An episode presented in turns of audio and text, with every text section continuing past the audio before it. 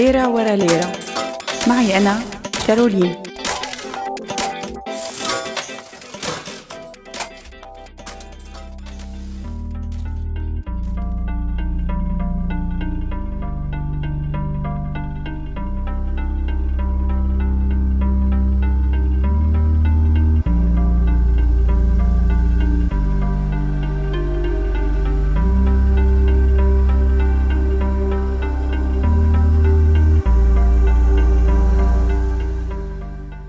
مرحبا بليرة ورا ليرة اليوم رح أحكي عن كيف تنعكس الدراما على الاقتصاد.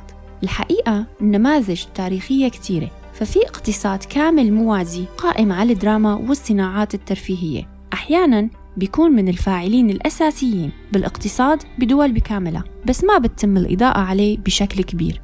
هلا أكيد أنا ما عم أحكي على اقتصاد الترفيه بمدن مثل لاس فيغاس نيويورك يلي الفن وصناعة الترفيه بتحتل مساحة كبيرة بالاقتصاد. ولا عم أحكي عن ولايات مثل كاليفورنيا أو مدن مثل باريس ولندن. فهذا الشيء مفروغ منه. أنا عم بحكي عن مناطق تانية ما كتير بيتسلط الضوء عليها مثل أقاليم ومدن كتيرة بالمغرب أو مناطق واسعة بأيسلندا ونيوزيلندا وحتى اليونان وجزرها فبالمغرب في كتير من المناطق قائم اقتصادها بالكامل على استديوهات التصوير الكتيرة ويلي فيها بتصور أفلام عالمية مثل بابل أو لورانس العرب المومياء أو حتى فيلم جلادياتر وغيرها كتير من الأفلام. واليونان يلي بتعتبر كتير من مناطقها محج لشركات الإنتاج العالمية بأفلام لا تعد ولا تحصى.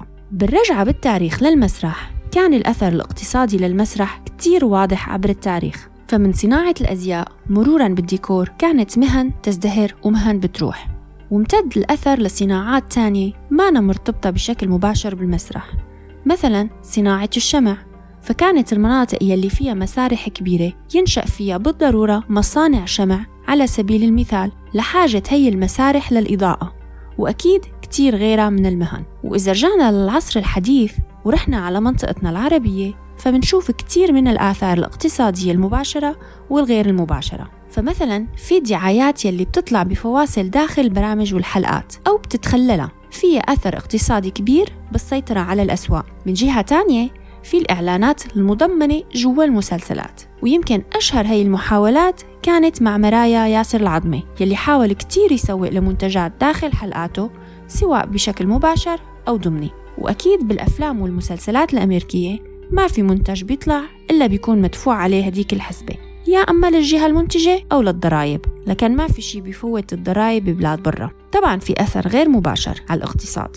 مثل تنانير كاساندرا تبع التسعينات يلي استفادت منها كتير محلات القصاع والحمراء والصالحية وصارت موضة الموضات وعلى كل الواجهات بتلاقي التنانير الطوال ويلي كانت من أبرز الأمثلة. بس تأثير صناعة الترفيه والدراما بيوصل على كتير من نواحي الحياة. فإذا ما حكينا عن قمصان الأب السبعة أو على عودة شارلستون فلازم نحكي على تأثير الدراما على الحلاقين فمع غرة سمانثا فوكس بالثمانينات وموديل شعر جورج مايكل كمان بالتسعينات والثمانينات هذا الشي جاب شغل كتير للحلاقين ولما بطلوا كتير من الشباب يلي بيسمعوا rock و heavy metal يحلقوا شعرهم كمان كان في أثر اقتصادي عكسي على الحلاقين ومن التسعينات لازم نذكر شعرات ريتشل جرين من مسلسل فريندز وما فينا ننسى كمان قصات الممثلين والممثلات الهنود والمصريين على الموضة بالمنطقة العربية عموما وبسوريا خصوصا. وبالتالي الأثر الاقتصادي يلي ما بينشاف بشكل مباشر والحقيقة ما بعرف كيف بينحسب. هلأ قيمونا من المزح وخلونا نروح للجد. وقلب موضوع مسلسل لعبة العروش أو Game of Thrones يلي عم يحكوا عنه عزة وهمام. بتعرفوا خوش أنه أنا بحب الأرقام. بس شو هاد؟ يا ويلي أنا بلشت أقرأ بالأرقام وغب على قلبي. هاد المسلسل يلي بلش عرضه على شاشة HBO تجاوز The Sopranos باعتباره السلسلة الأكثر شعبية لما وصل ل 20 مليون مشاهد. بس مشان ما رعبكم من الأرقام رح ضل بموضوع الفقرة ورح نروح لنشوف الأثر الاقتصادي لهذا المسلسل على المجتمعات ويمكن على دول كمان.